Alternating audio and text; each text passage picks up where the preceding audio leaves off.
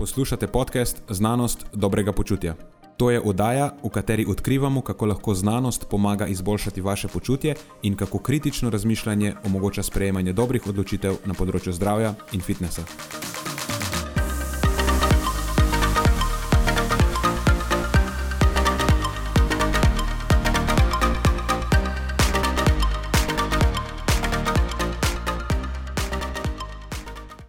Živijo, moje ime je Nenad in v tokratni epizodi sva s sovoditeljem Matjažem gostila Ano Štuhec. Ana na družbeni platformi Instagram vzdržuje profil, ki se močno razlikuje od večine tega, kar je tam v narekovajih normalno. Instagram je pretežno usmerjen v plehek stil komunikacije, ki je večinoma tudi brez uporabne vsebine in vzpodbuja deljenje nekih navidezno popolnih, seveda lažnih podob. Razen redkih izjem, seveda. Ana pa svoj profil uporablja za deljenje poučnih in koristnih vsebin o fitnessu, treningu moči, prehrani in zdravi miselnosti. Njen način komuniciranja je torej zelo kompatibilen s tem, kar počnemo pri znanosti dobrega počutja.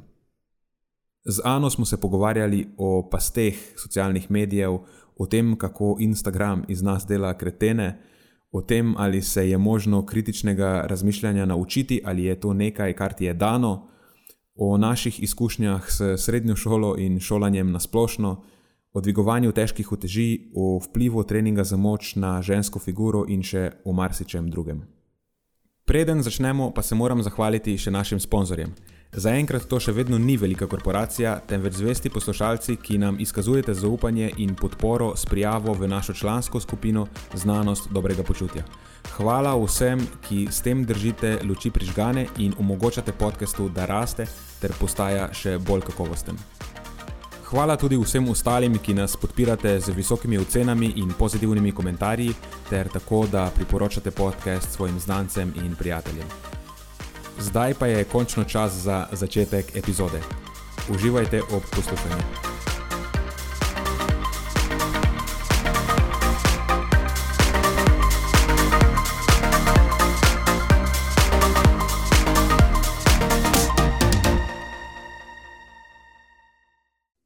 Živijo Matjaš, živijo Ana.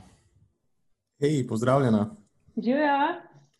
Tako, danes je spet na vrsti epizoda z gostom, oziroma z gostjo, in najna gostja je Ana Štuhec. Uh, spoznala smo jo na socialnih medijih, kjer se nam je zdela tako zelo, zelo prijetna osvežitev. Um, tako da smo zelo vesela, da si se nam lahko danes pridružila, Ana. Hvala, z veseljem. Uh, pa tudi hvala vama dvema za povabilo. Um, mi je v veliko čast. Meni se zdi, da res, Ana, izstopaš po načinu komunikacije.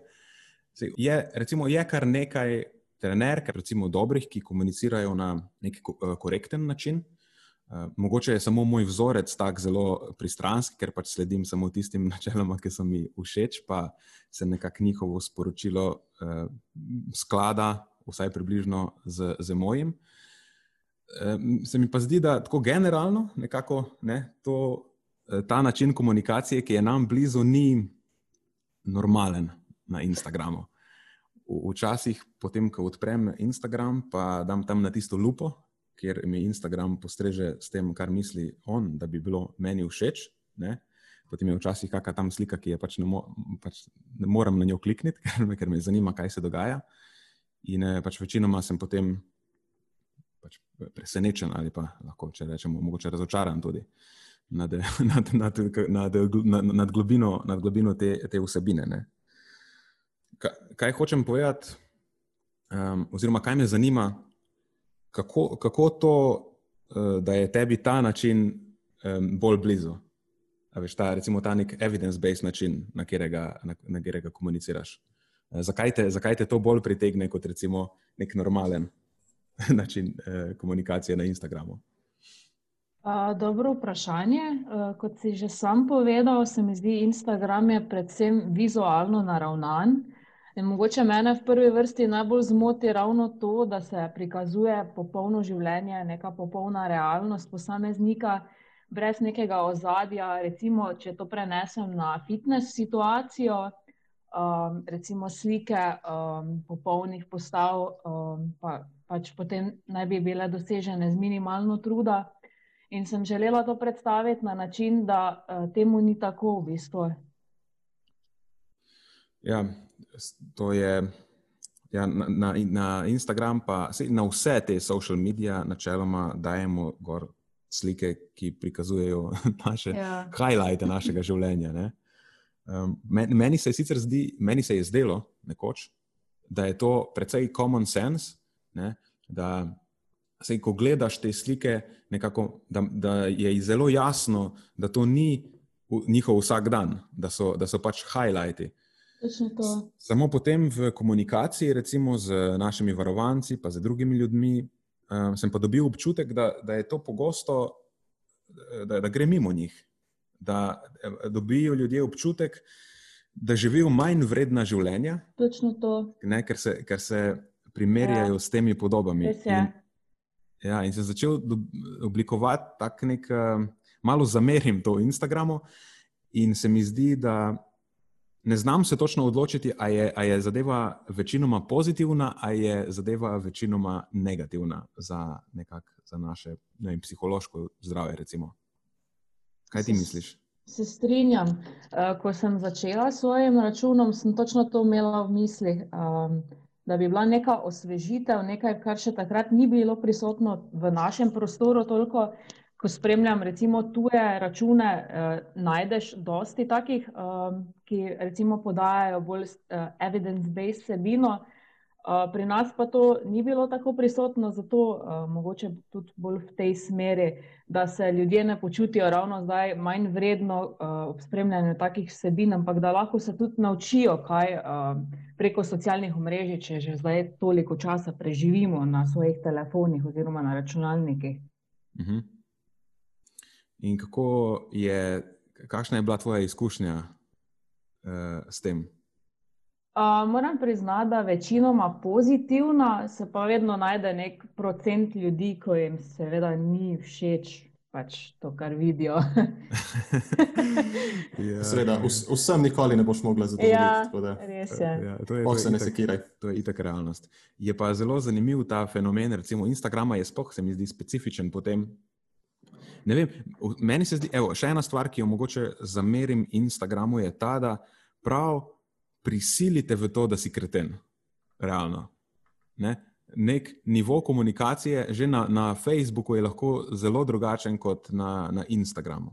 To je ena ja. stvar, da ne tebe, ki, mislim, ne tebe, ampak na splošno človeka, mene ali kogarkoli, ki uporablja ta Instagram, nekako te sili v način komunikacije, ki v nekem normalnem svetu, pač ne vem ljudje ne komuniciramo, uh, se, mi zdi, se mi zdi tako. Ne? Ker ti tukaj dejansko vletiš nekomu, prisiljen si, da mu vletiš v te direktna sporočila, ne v njegov poštni predal.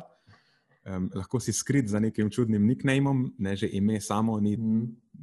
tako očitno, recimo, ali pa neka, ne komuniciraš z lastno podobo ali pa z lastno persono, tako kot recimo na Facebooku si prisiljen. In si že tukaj opogumljen, recimo, da manjši, manjši filter imaš, na drugi strani pa potem ti vletiš človeku osebno noter in je res in your face. Sploh, če imaš negativno mnenje, to v bistvu eh, bolj negativno vpliva, se mi zdi, ja. na, na, na to osebo. Ne? In pa pogosto te, vsa ta klasična pravila bontona, ki razletijo ven skozi okno. Da, pogosto, da. ko meni nekdo piše, ne vem, kako ima ta vidva, eh, ja. uh, kako ima ta vidva izkušnjo, predvidevam, da podobno, ampak ne vem, pozdravljen, to pa to, mm. samo nek bom, in your face, ja, vprašanje ali pa komentar, in to je to. Mhm.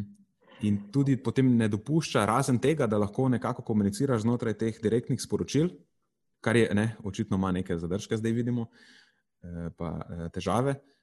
Ampak vse ostalo je pa dejansko ne moreš dobro komunicirati. Tisti komentarji so kar nekaj, eh, lahko se pač po domače pojeno userješ pod sliko, ne, ne moreš nič pametnega napisati uh, on, ki to sliko uh, je prilepil, težko kaj pametnega nazaj napiše, ker je pač, vsaj meni se zdi zelo, zadeva cela nepregledna in pol. Včasih imam občutek samo, da se lahko eden čez drugega deremo. Dobro, tako je. Ja, neko tako zelo, zelo toksično okolje. Virtualno ja. tretje. Ja. Neko, ja, neko zelo toksično okolje ustvarja, in uh, se sprašujem, se, ne, a, a dejansko nam a, a je daje več plusa ali daje nam več minusov, tole, ta, ta cela stvar. Tudi, eh, kot si rekla, da si probala dati nekaj nazaj, neko, recimo um, izobraževati ljudi, uh -huh. um, niso vedno hvaležni. Ne? Niso vedno hvaležni, da, da jih probaš izobraziti, recimo, ali pa samo recimo, jim pomagati. Niti ne, se nimaš nekega stava, da zdaj bom pa jaz vas izobrazil, ampak dejansko samo dobro namerno ja. Daješ informacije. Zakaj, zakaj misliš, da so užaljeni ljudje, ko jim hočeš dobro namerno? Niti ne, se jih ne siliš, samo tukaj imate. Ne?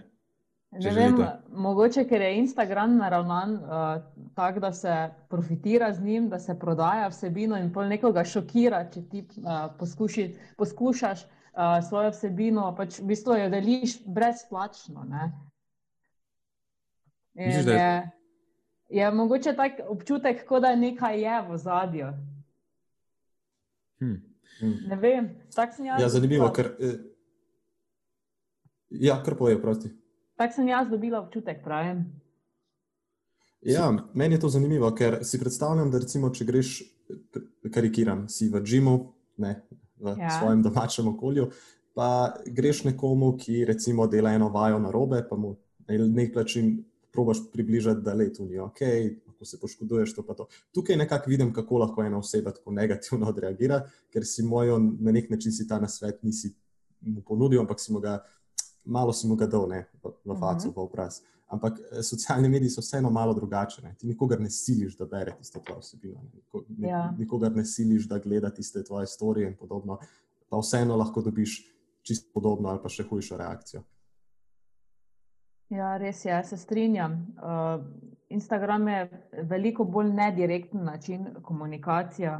Ampak, tako kot pravim, še vedno, mislim, pa po mojem je to na vseh področjih prisotno, tako da jaz se sploh ne obremenjujem niti več s tem. E, kakšne pa imaš mogoče zdaj v prihodnosti s tvojim Instagram profilom načrte? Uh, mislila sem se podati mogoče malo bolj v drugačno smer. Uh, zadnje čase, recimo, spremljam veliko, da se uh, TikTok se širi, pa sem mogoče razmišljala v smeri, da bi svoje vsebine bolj v video obliki podajala. Um, ker so, ne vem, mogoče za branje, niti se ne, ne ljubi se vsakemu brati. Um, pa je mogoče malo bolj hitrejši, pa lažji način komunikacije. Mhm. Da, nekaj v tem, tem smislu, nisem še čisto dorekla.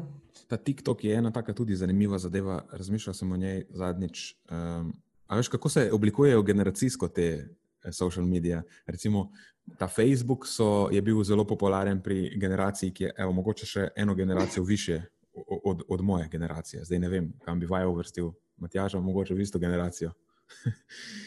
uh, pač, ne, stari ne vem, od 20 do 35 let, recimo, da so ena generacija. Se potem mogoče lahko rečemo, da, da, da smo vsi ista generacija. Še, um, yeah. Ja.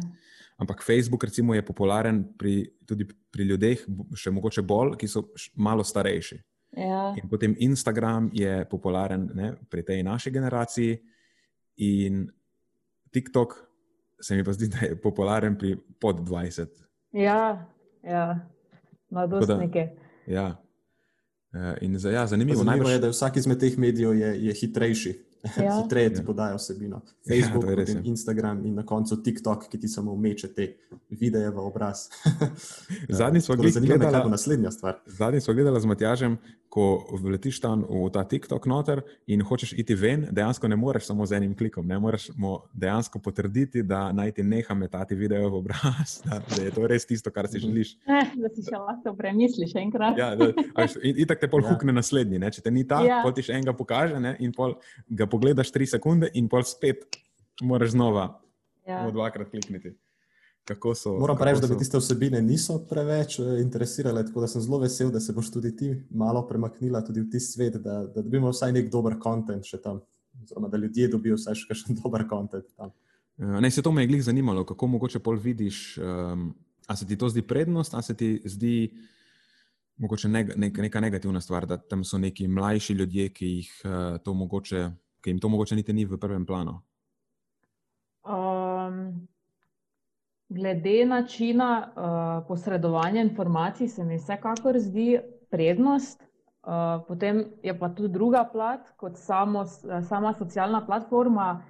pa tudi uh, katero publiko z njo dosežeš, pa mogoče ni ravno najbolj uh, primerna, oziroma ne bi razumeli stvari na tak način, kot jih recimo Instagram generacija, če zdaj povem tako pod navednicami.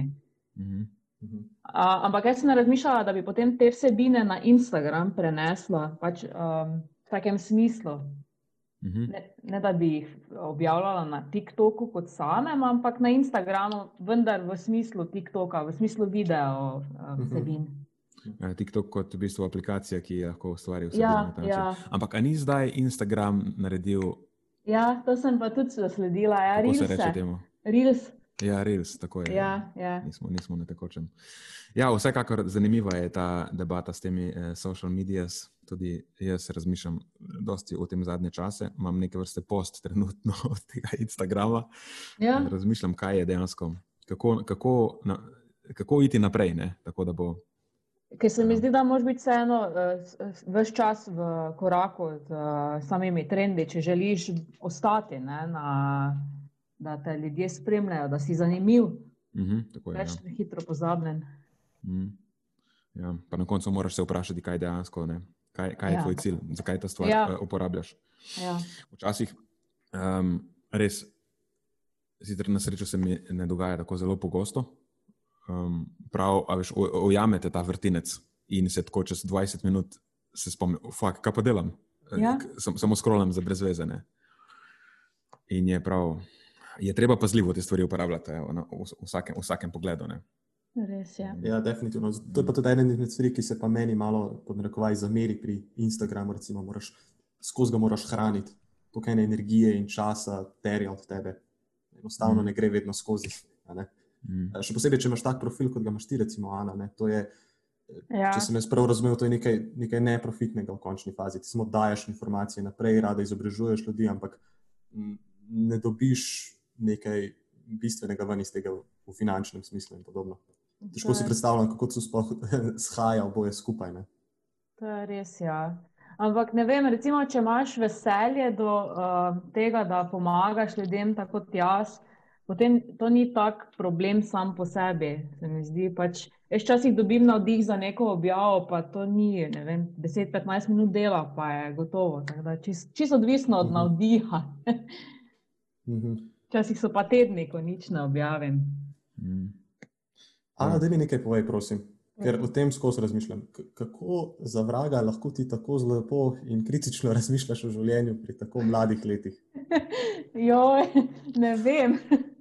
Jaz sem že odnegdaj tak, ampak um, pač ker sem po, kot, pod, kot osebnost introvertirana, nisem nikoli izražala svojega uh, mnenja, občutkov na taki način, da bi vem, komunicirala z drugimi, vedno bolj uh, inter, interno.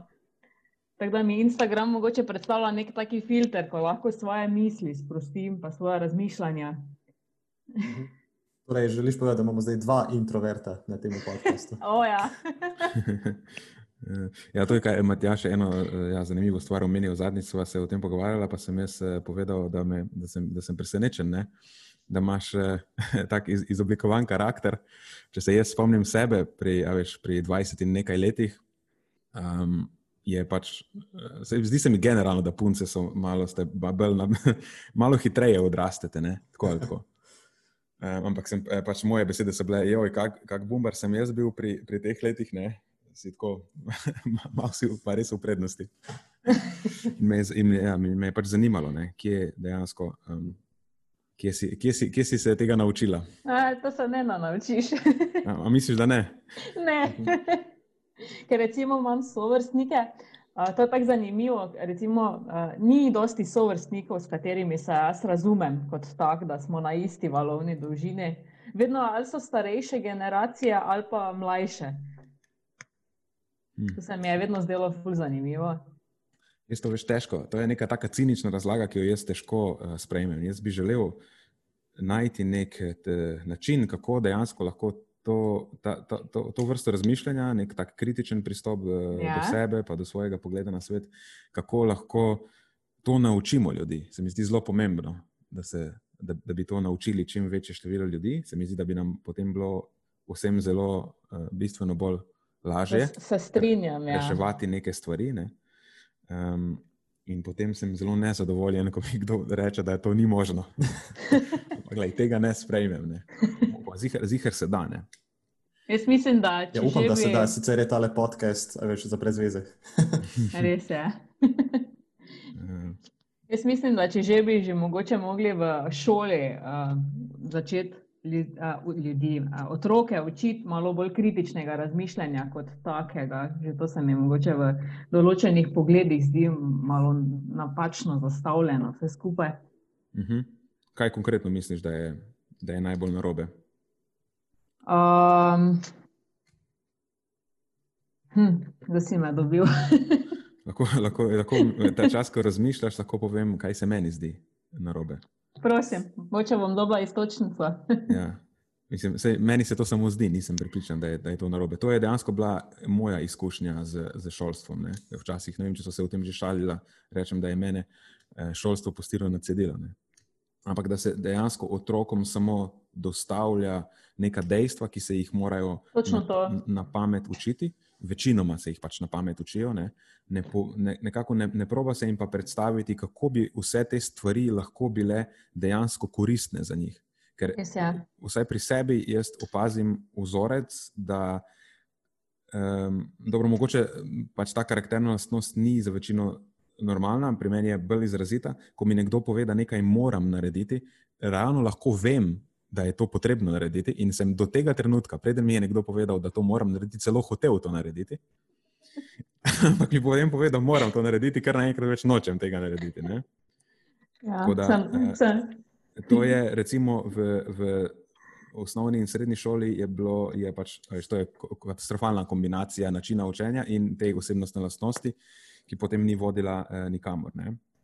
Po drugi strani sem pa opazil, da čim izvem, da je ta stvar za me pomembna, je pa da mi bo pomagala delati boljše neko stvar, ki jo pač jaz dojemam kot zanimivo ali pa pomembno, mi to postane super zanimivo. Ne? In je to lahko karkoli, lahko je matematika, statistika, lahko je fizika, lahko je neke stvari, ki me recimo v srednji šoli niso zelo zanimale, me lahko kar naenkrat zelo, zelo zanimajo. Tako da imam občutek, da je bil problem v ne, načinu učenja, ne v, v, sami, ne v samem materialu. A, se strinjam. Hmm. Si zelo dobro si povedal um, način podajanja informacij, da se samo neka dejstva uči.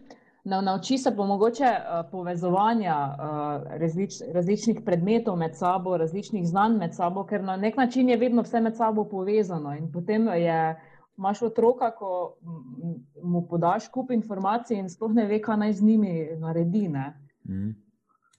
In potem imaš najpogosteje, kaj, kar reto, smo mi rekli isto, pa še danes slišim, da rečejo uh, mladi, oziroma pač nekdo, ki hodi recimo v srednjo šolo ali pa celo v osnovni šoli, to ne bom nikoli potreboval.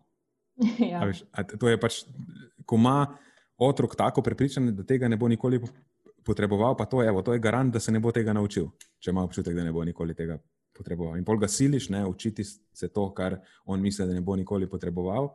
Dejansko v njem gojiš nekritično razmišljanje, se ja. mi zdi. No. Pa potem se lahko tudi. Ne, na ta trenutek se počutim. Pardon, kar povej, Ana. Uh, nič ni. Pravim, da uh, se mogoče lahko tudi vprašaš, uh, na kak način pa potem sploh razmišlja taka oseba, če, če misli, da ne bo ničesar v življenju potrebovala, kakš, kakšne cilje ima. To se jaz vedno sprašujem, ko recimo nekoga slišim, da na tak način razmišlja. Ja, to, to, je, tudi, ja.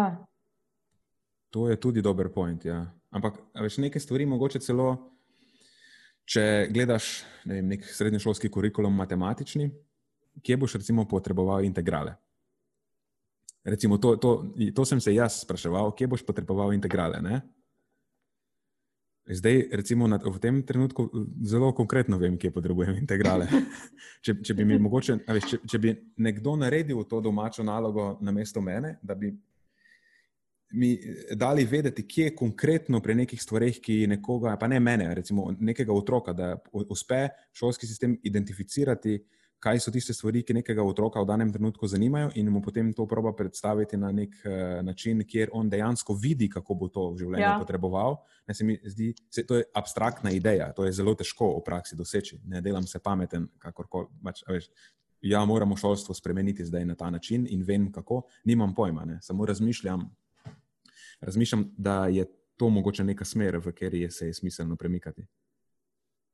Um, ker tudi način kako komuniciramo informacije o prehrani in vadbi. Ne, se mi zdi, da um, je smiselno, da so predstavljene na ta način, da ljudem um, pomagajo iti tja, kamor, kamor dejansko želijo iti. Mi jih, mi jih ne učimo, zakaj veš, moraš jesti eh, to zelenjavo, zato ker je dobra zate na nek X način, ki s tabo ni povezan. Ne. Ampak dejansko, če je njim pomembno izgubiti telesno maso v nekem trenutku, potem jih učimo, ja, zelenjava ima te lastnosti, ki ti lahko pomagajo doseči tvoj cilj na tak način. Ne? In dejansko je to pač praktično za njih, za njih pomembno.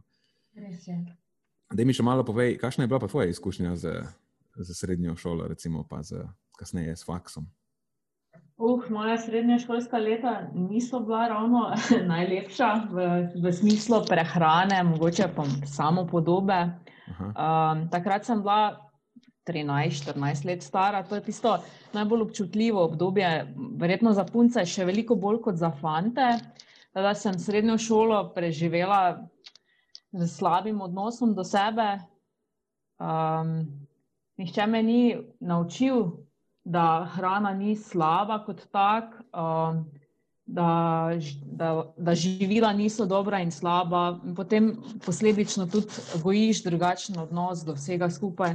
Da, če bi čisto na kratko povzela, sem takrat imela take motnje hranjenja, uh, s katerimi sem se potem skozi faks soočala, tako tak da zdaj imam drugačen odnos do vsega skupaj. Tudi ko sem starejša, malo drugače gledam na vse skupaj.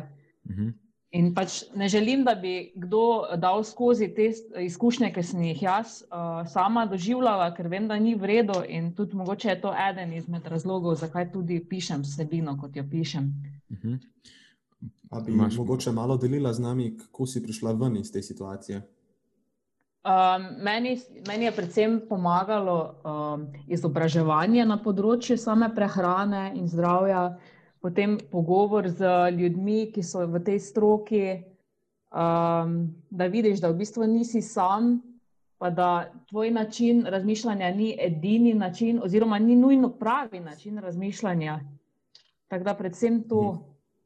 No, super, to mislim, da bo zelo uporabno, ker predvidevam, da se bo marsikdo najdel v tvojih besedah, pa bi mu uh, kakšna taka istočnica, ki lahko začne uh, še kako prav prišla. Ja, Ja. Torej, fajn je najti, pomembno, zelo pomembno je najti informacije, ki so ne, neke, neke korektne, ki so strokovno utemeljene. Um, ne, sem bil pa presenečen, da nisi iskala odgovorov pri uh, fitfluencerjih. Takrat še niti ni bilo tega, to je najbolj zanimivo. Ja, zdaj, zdaj je veliko hujše. Ne?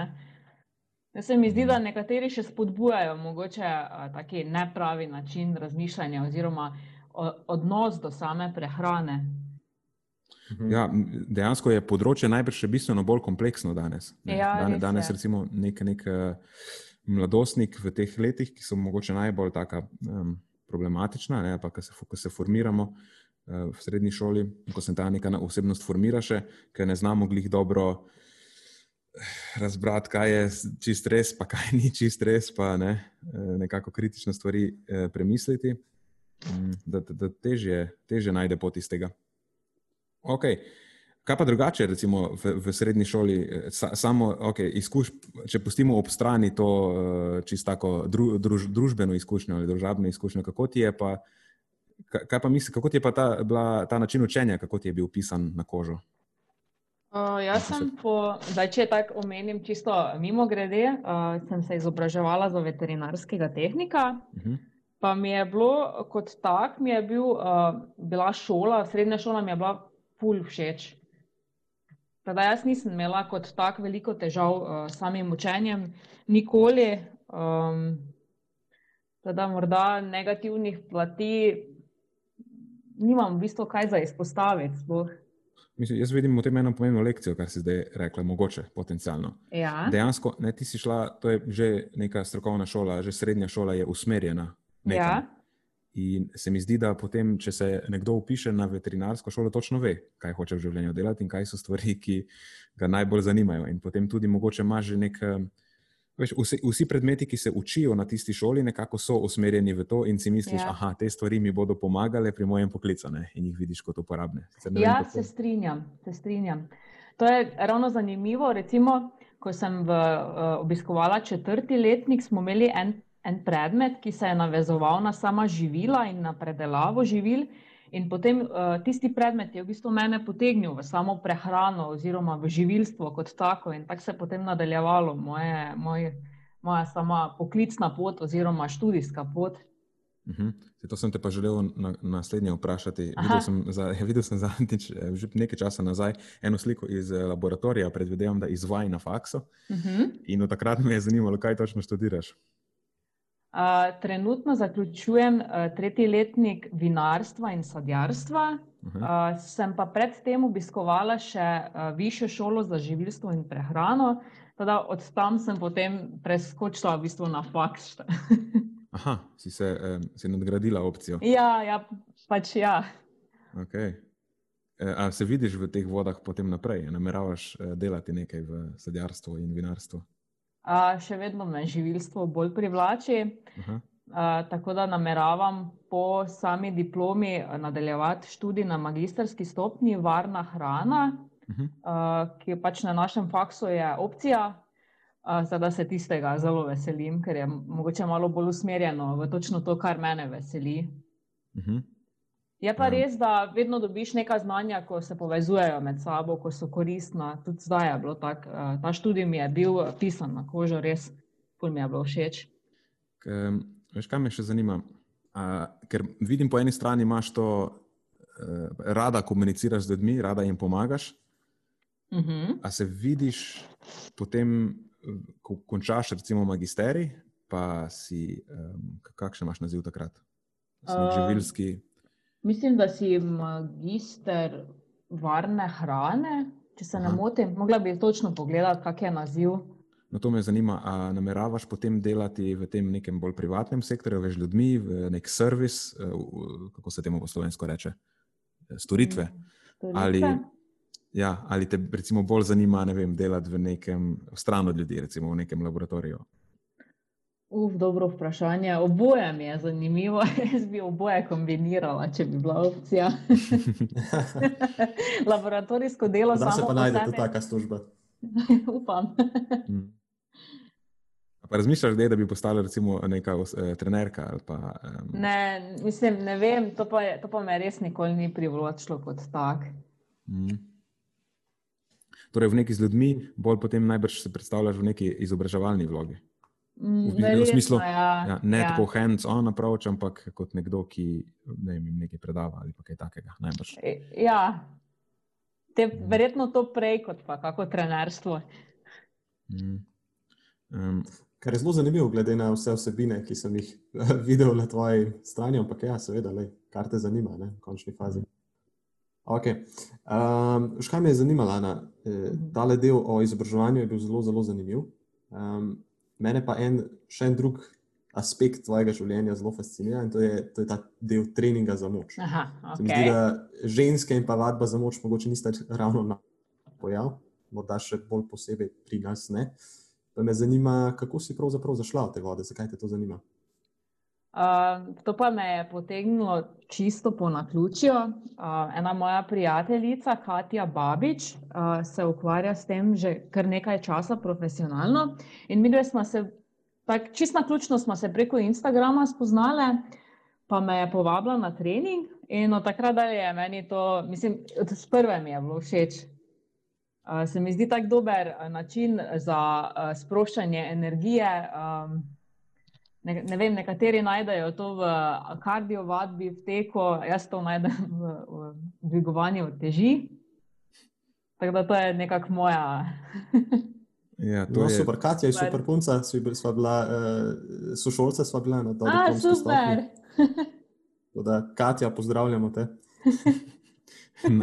naši, naši ljudje. Ja, ja. uh, veš kaj, ja, to je tudi en, uh, tudi po tem, recimo, se razlikuješ, se mi zdi, od ostalih, um, a ti lahko rečemo, influencerjev. Ne, ja, recimo, tvoj način treninga je precej drugačen od načina treninga uh, večine ne, na, na, na tej platformi. Uh mhm. -huh. um, in na, po čem je recimo, najbolj drugačen, je potem, da je eh, cilj tega načina treninga je, usmer, je pač čisto usmerjen v eno drugo smer, kot večina recimo, trenira z nekimi estetskimi cilji. In se pač največ poudarka daje temu, kako bo, kako bo izgledala, kar je lahko bolj ali pa manj problematično, če nam je to glavna preokupacija v življenju. Ja. Uh, se mi pa zdi, da je, da je potem ta tvoj, tvoj način treninga, ki je pa uh, trening za moč, pa usmerjen v čist neke, neke druge vrste ciljev, ki so precej bolj, se mi zdi, precej bolj objektivni, pa manj obremenjujoči za, za, samo, za, samo, za samo psiho. Um, pa tudi mogoče, tako veš, v narekovajih, bolj, bolj zdravi so, se mi zdi. No? Bolj zdravi na osebnostno rast, pa na, na psihološki del tega, to se mi je zdelo.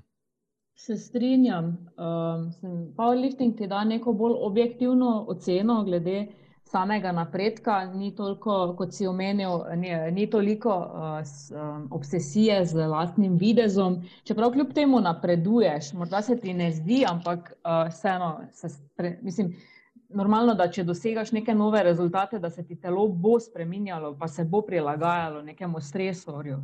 Mhm. Kje, kdaj točno si se začela s powerliftingom ukvarjati? Kje je to v tej tvoji zgodbi, ki si jo prej opisovala, iz srednje šole, recimo do faksa?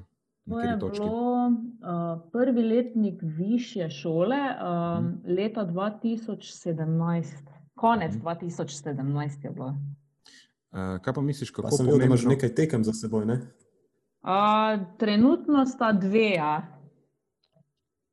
Kaj pa misliš, kako pomemben je pa kako pomembno je bilo, da si začela vključevati trening za, recimo, uh, za moč na ta način v to celo uh, transformacijo?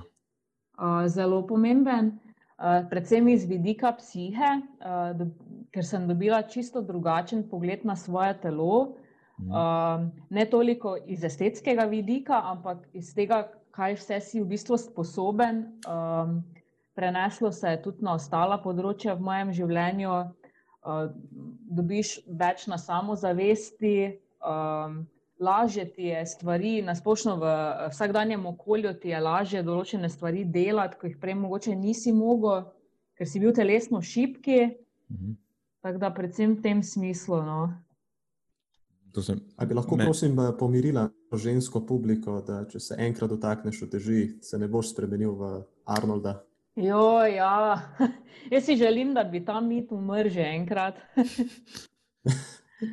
ja, torej, to pomeni, da ni res. Ni res, ne, itak, da ne.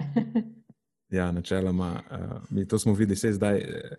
No, lahko mogoče še izpostavimo potem nekaj svetlih, recimo, uh, izjem, uh, ki se tudi ukvarjajo, ki so, recimo, temu rečemo, vocal, ne outspoken. Kako je slovenska beseda?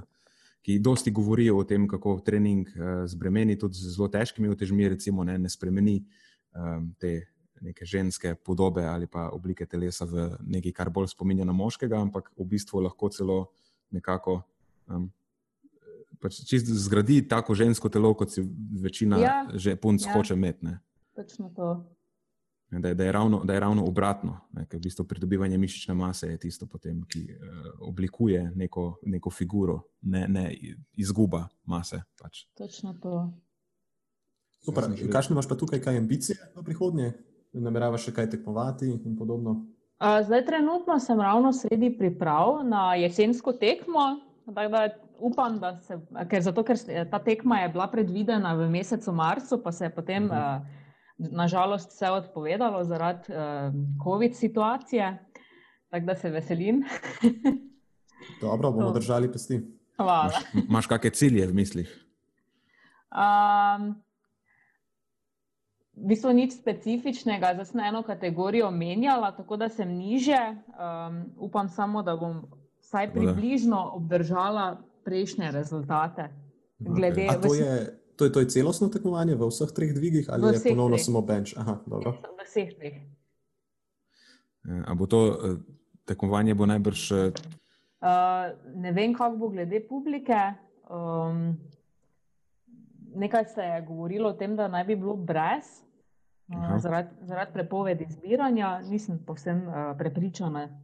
Da bojo postavili un LCD televizor ogromen, pa bomo ja. lahko gledali tako, kot se zdi. Vsak v svoji telovadnici, ja, veš, kot zadnjič, ko so se pogovarjali. Bo posnel lift in jih bomo zbrali na kopu.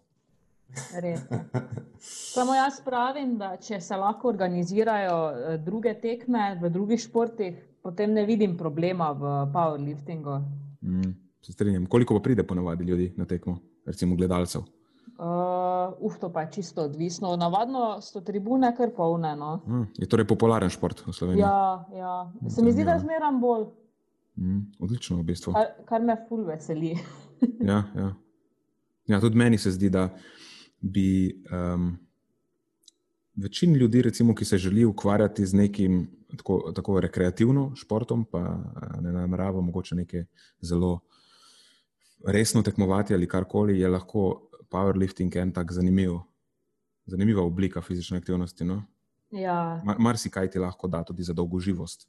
Sploh, če tega ne delaš nekako ek, ekstremno, um, pa nimaš ambicij, recimo, tekmovati na nekem. Uh, visokem nivoju, potem se lahko marsikaj zgodi. Ne? Ampak čistko za, za dolgoživost, pa uh, to, to so potem neki drugi cilji, pa tudi način treninga je najbrž malo, malo drugačen. Kako, kako, kako ti gledaš na to? A imaš, a to delaš bolj, z, imaš dejansko neke ambicije za kasneje, ali to dejansko delaš z namenom bolj za zdravje? Um, bolj za zdravje bi jaz rekla drugače pa pozivam vsakega, da se odeleži kakšne tekme, že ne zaradi tekmo, same tekmovalne, tekmovalnega, um, ja, da mi je beseda z glave padla.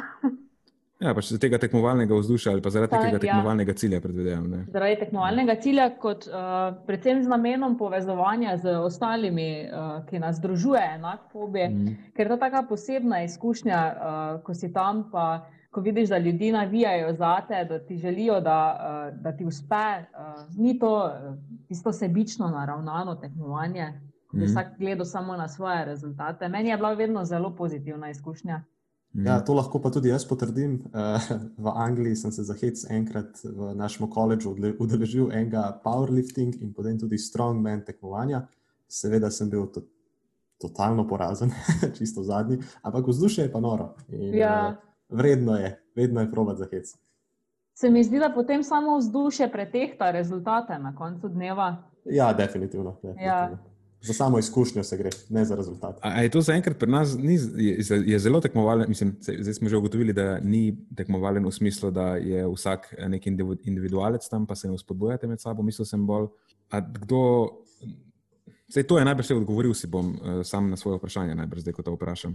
Uh, noben dejansko ne, ne namerava za res živeti samo od tega. Ne? In potem na ta račun je lahko tudi vzdušje uh, bistveno boljše, kot če bi bil to ne, ne, recimo nek zelo tekmovalen šport, ne? kjer bi uh, življenje bila odvisna od tega, ja. v smislu, ne, kdo je prvi, drugi, tretji in koliko zasluži. Se mi zdi, da, da je tudi, tudi zaradi tega je powerlifting nekaj, kar eh, načeloma ima nekaj pozitivne, da ima več pozitivnih plati, tudi tekmovalen powerlifting, recimo, napram ostalim športom. Res je, se strinjam. Hmm. Kaj me še zanima, Ana? Um, je morda kdo, zdaj, ko se pogovarjamo ravno o tem svetu eh, powerliftinga, lahko pa to razširimo, to vprašanje tudi na kakšna druga področja, um, čisto to, kar ti spremljaš. Je nekdo iz industrije, po kom se ti najbolj zgleduješ, uh, bi ga priporočala našim poslušalcem? Uh, sama nimam nekih idolov, uh, spremljam pa predvsem moško populacijo, kar je mogoče zanimivo. Um, najbolj mi izstopa um, Russell Ori, uh, mislim, da je v kategoriji do 83, če se ne motim. Uh, tako da njega najbolj spremljam uh, od vseh tekmovalcev, uh, ker so mi všeč njegove vsebine že na samem Instagramu, pa tudi na YouTubu. Eh, zelo pozitivno naravnan tekmovalec, če, tako, če se bi tako izrazila. Mhm, super, kaj pa morda izven sveta powerliftinga, tako vem, prehrana, vadba in podobne stvari? Uh, dobro vprašanje. Uh, če si iskreno, nimam nekih idolov, res. Uh, spremljam uh mhm. -huh. zelo, zelo uh, širok spekter ljudi. Uh, Teda, nimam, res nimam nekih idolov. Imáš mogoče kak kriterij, po katerem oceniš, kdo je vreden spremljanja in kdo ni? Samo pogledam vsebino na Instagramu, recimo. tak, tako je videti. Ali ni tako rigorozen proces? Sem mislil, da to je precej abstraktno.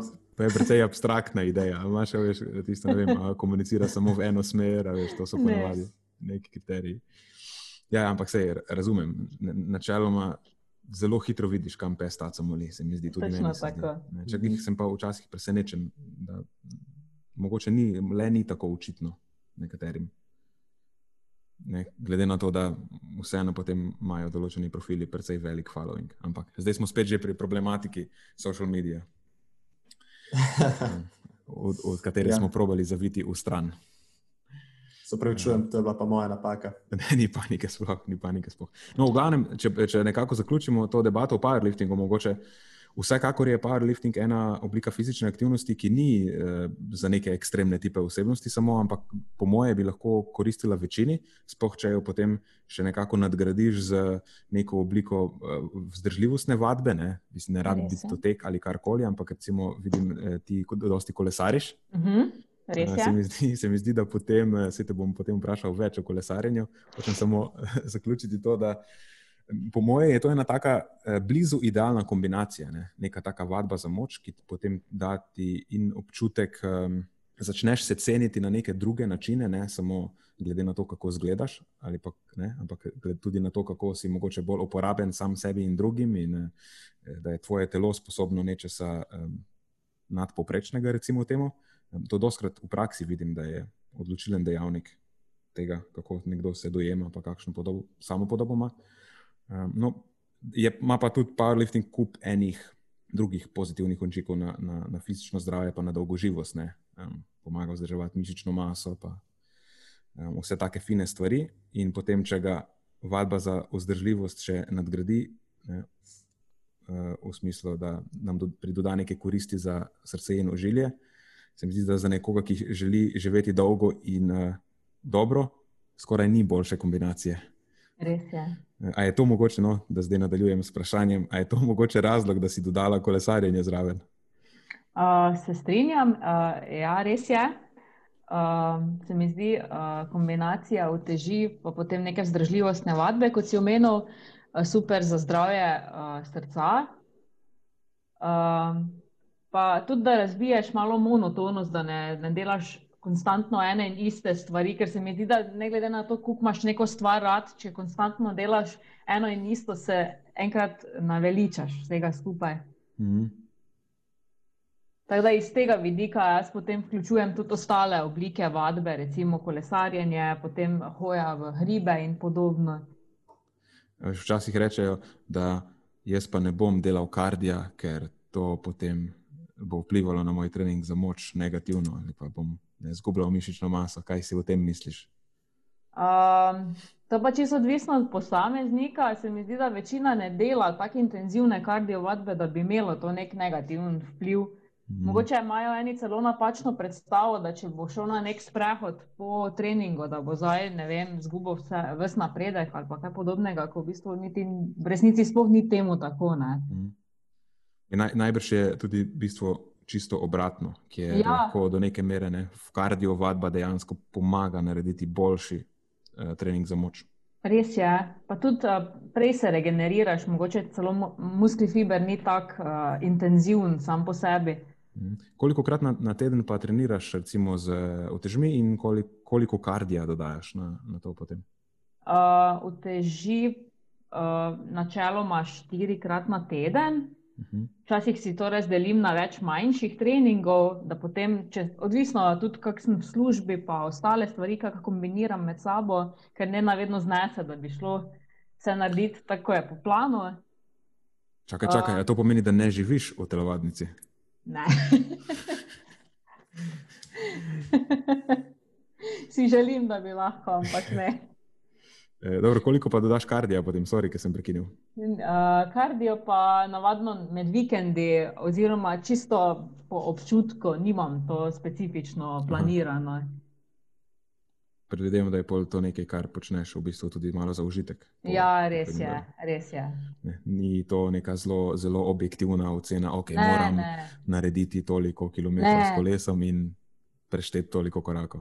Ne, ne, ker se to pa potem že spet vodi v neko drugo, mm. nezdravo plat vsega skupaj, se mi zdi. No. Da. Potem lahko zelo hitro nekaj, kar je v osnovi bilo mišljeno kot zdravo, postane neka nezdrava obsesija. Ja, pa smo spet vzorec, na začetku. Ja. ja, pa smo spet na začetku. Ja. Tako je. Ok, mislim, da smo do te točke povedali kar nekaj stvari o social medijih in o powerliftingu in o procesu izobraževanja v Sloveniji. E, mogoče zdaj se lahko dotaknemo teh malo manj resnih tem, ali pa še manj resnih tem, ki jih z Matjažem imenujemo lahke teme. Ampak zelo pogosto se izkažejo kot zelo težke teme iz nekega razloga. ja, ampak dobro, no, bomo, bomo, naredili, ja, bomo naredili na lahek uvod. Ne, ponavadi vprašava, uh, raje bereš knjige ne, ali pa um, raje gledaš, ne vem, ali pa poslušaš neke dokumentarce ali pa tudi audio knjige? O, zanimivo vprašanje. Um, mislim, da bom kar uh, ostala pri raje berem. A, zanimivo. Kaj pa ja. bi nam dala en primer, prosim? Yes. Gledava za kakšno novo knjigo, ki bi jo rada prebrala namreč. Uh, ne vem, če se zanimata na, za te področje, ki, o katerem jaz predvsem prebiram. Uh, mene zanima najbolj psihologija kot taka, uh, človeško razmišljanje, uh mhm. -huh. da sem potem v teh vodah.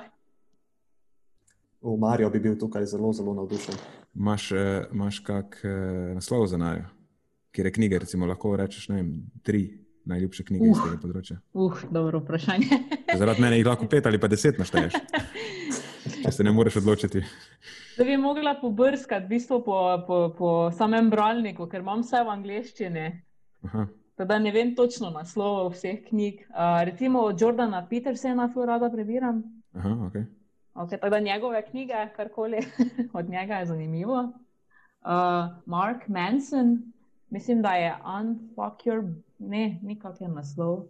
And the art of not giving a fuck. Točno to, ja, da so bila oprna genija. To, to je gradivo, ki je tudi meni zelo blizu. Da. Teda te knjige, te knjige okay. v tej smeri. Ra, razumem, razumem. Ja. Torej, že pričakuješ novo Jordanovo knjigo. Ja. okay. um, kaj pa recimo uh, filmi ali pa serije, kaj imaš raje? A si ti uh, osebe, ki se usede in dve uri uh, ždi pred uh, televizijo, ali si ti osebe, ki ima časa za 45 minut?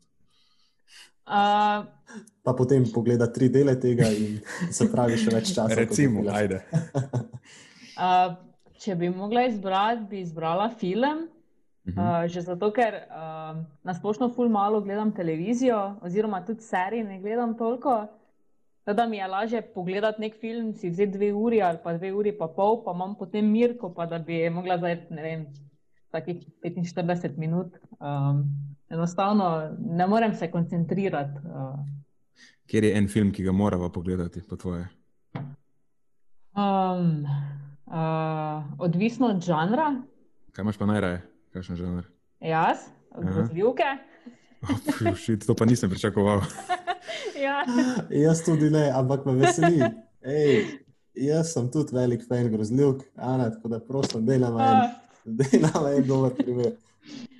Uh, na zadnje mi je najbolj bil všeč ta, uh, ta pred, uh, mislim, da je priredba ali predelava uh, knjige Stephena Kinga, uh, IT, on je klon. Uh -huh. Mislim, da sem tisto na zadnje gledala.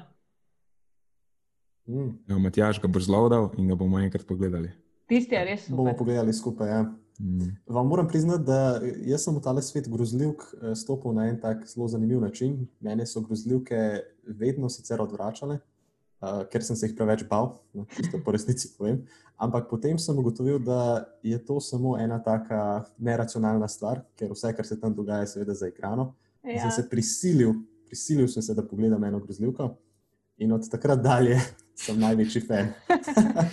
je ta immersion therapy. Tako, točno to. Uh, imam, imam feeling, da se lahko to grdo obrestuje, če kdo na enak način pristopi k temu. Ne, grdo, uh, ne, ne obrestuje, ampak da se grdo maščuje. Lahko, lahko, tako da tega ne priporočam ja. vsem poslušalcem, ampak uh, veste. Ja, naš, naš sin je star 4 leta in se boji grozljiv, da bomo zdaj bomo pokazali, kako niso strašne. Zdaj, ko, smo pri, ko smo že pri tej temi, če bi pa mogla izpostaviti eno serijo um, iz žanra grozljivk, pa bi to bila American Horror Story. Tako da tisto pa priporočam vsakega, ko ima čas do serije. Tisto pa je verjetno ena edina serija, ko sem pogledala vse epizode. No, zanimivo. Ja. To sem slišal, ja, nisem, nisem gledal še. Matjaš, ti si pogledal?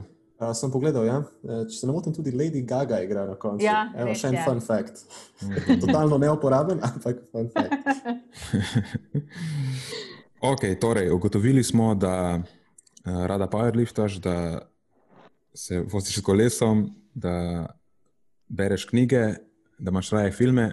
A je še kak, kot serija, a je še kak hobi, ki bi ga izpostavila? Um, nekaj, kar ne vejo tvoji Instagram followeri. Uh, da sem full velika fanica glasbe. Ja, prej smo glik z Matjažem debatirali, ker mi dva imamo navado, da preden začnejo snemati, jaz spustim par komadov.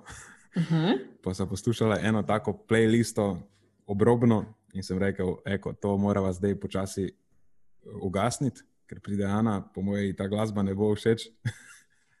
Kaj bi pa mogla biti? Ne, da je na prostem času DJ. Ne? Kaj bi pa mogla biti tista playlista, ki bi bila tebi všeč? Joj, moj uh, okus za glasbo je pa res tako raznovrsten, da skoraj da ni uh, nekaj, kar, mi, kar ne bi našla, da mi ne bi bilo všeč. Tako bom rekla. Si prepričana? Ker tisto, kar sem Devet... poslušala, je bilo zelo mejno, po mojem mnenju. 99,9%. Okay, okay. Okay, zanimivo. zanimivo ja. Kaj pa si poslušala? Matjaš, kaj si poslušala? Je bil to slučajno balkanski megamix. Balkan party megamix. okay, to, pa, okay, to pa je v nič cela ena procenta. e, vidiš. Ne morem verjeti, uspelo nam je ena ja. procenta. Eh, sumil, sumil sem na to možnost, ja, tako da vidiš, sem imel prav. Super, Jaz sem prej v, zač v začetku videla, uh, ko je Nenad šeral sam uh, zaslon, da je imel neki rock mix, zato sem predvidevala, da bo mogoče v tej smeri kaj. ja. Drugače tudi mene, ko ljudje vprašajo, um, je težko se odločim za en stil uh, oziroma za eno vrsto glasbe, ki mi je všeč. Pač realno nimam favorita. Čisto odvisno od počutja. Ja. Ja. Probam se zdaj spomniti, kaj je neka stvar, ki mi tako absolutno ni všeč, ampak dejansko. Evo, mogoče, evo, meni pa mogoče niso všeč une uh, hardcore hrvaški v nekomadi. Jo, je to meni tudi ne. Tam, evo, to mi mogoče ni všeč. Tista, pač, eh, tista tamborica mi ne sedi. No.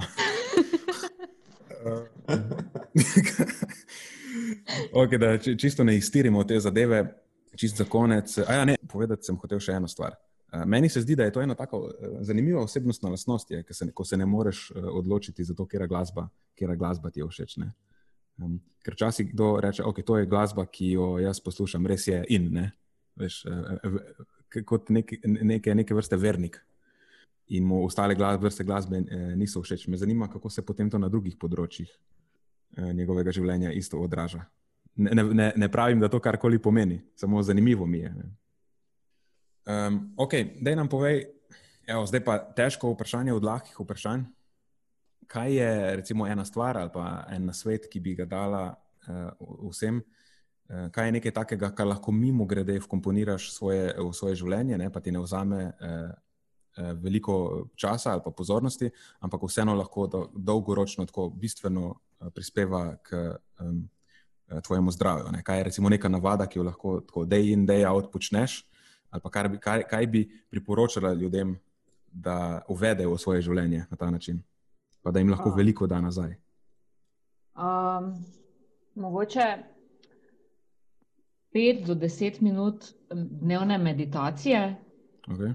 Veš, tisti, da se vsedeš, pa si res uh, prisoten v samem momentu, ker se mi zdi, da se tako hitro ujamemo v ta uh, življenjski slog uh, oziroma življenjski tempo da včasih manjka to, da se enostavno usedeš, pa da malo zadihaš. Um, bi verjetno marsikomu uh, doprineslo nekaj koristnega k samemu psihičnemu zdravju.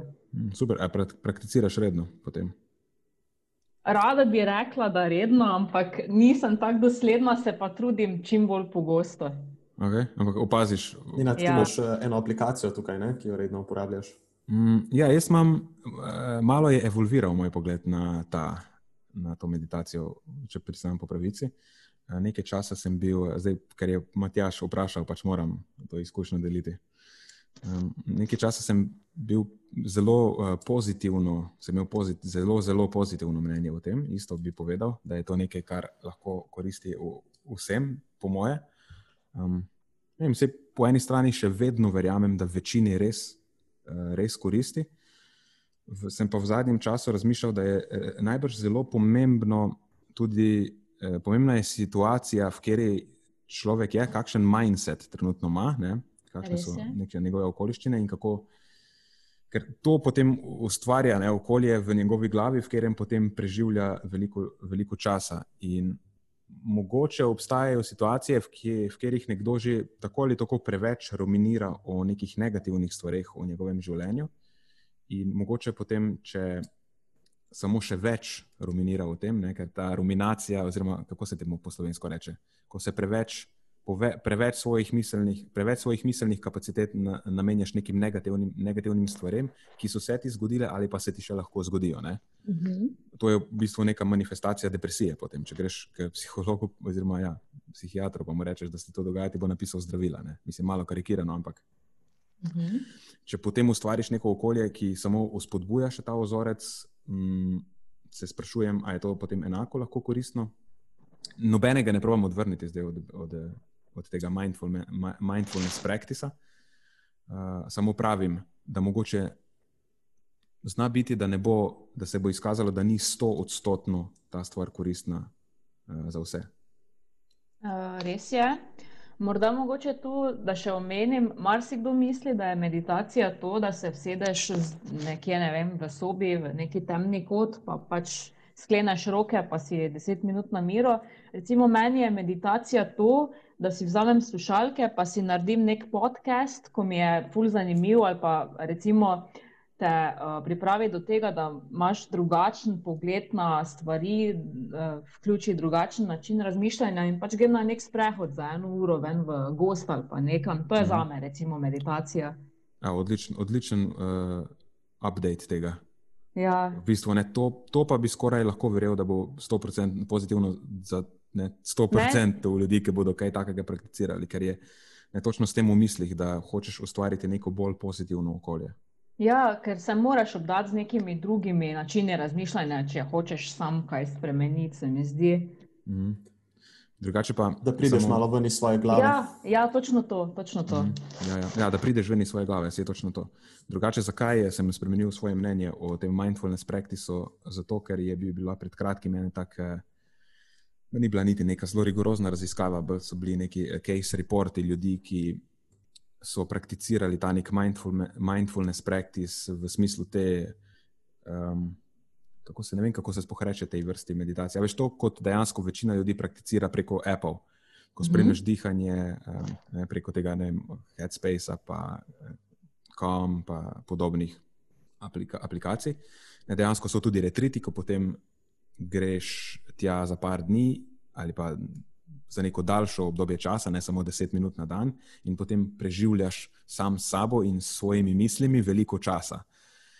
In so bili očitno re reporti ljudi, ki so doživeli razne psihoze in vse sorte negativnih zapletov. Ne. Eh, sicer je bil majhen delež teh ljudi, samo začel sem razmišljati, ok. Mogoče pa vseeno obstaja populacija ljudi, za katere ta stvar ni zelo primerna. In podobno je z drugimi stvarmi v našem življenju. Tako, tako je. Ja. Ampak ja. fajn mi je, pa, fajn mi je pa, Ana, kako si potem to nadgradila, ta nasvet. Da, ne, kar, kar hočemo je dejansko samo ustvariti eno okolje, v katerem bo potem naš mindset mogoče malo manj eh, tak, kjer hmm. ruminiramo z negativnimi stvarmi ali pa.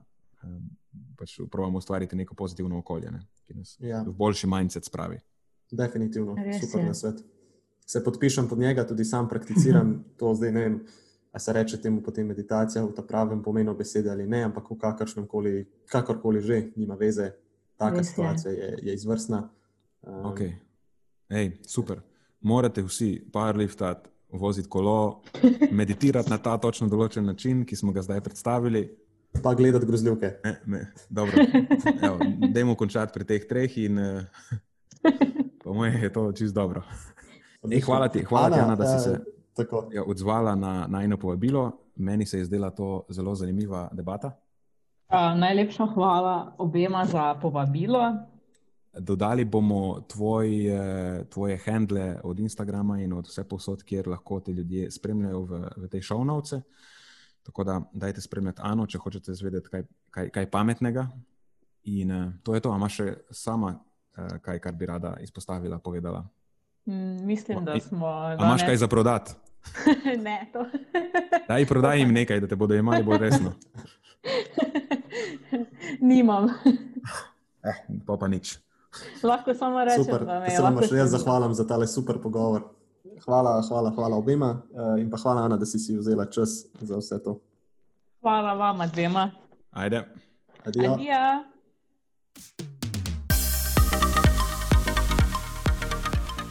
To je za tokrat vse iz naše strani. Hvala, ker ste poslušali do konca. Če mislite, da je bila današnja epizoda pomembna, jo prosim delite s svojimi znanci in prijatelji in jo priporočajte dalje, saj s tem omogočite, da doseže čim večjo množico. Hvala vsem, ki nas podpirate s članarino in tudi vsem ostalim, ki delite podcast dalje in nam izkazujete naklonjenost z visokimi ocenami in pozitivnimi komentarji. Se slišimo prihodnjič, do takrat pa ostanite premišljeni.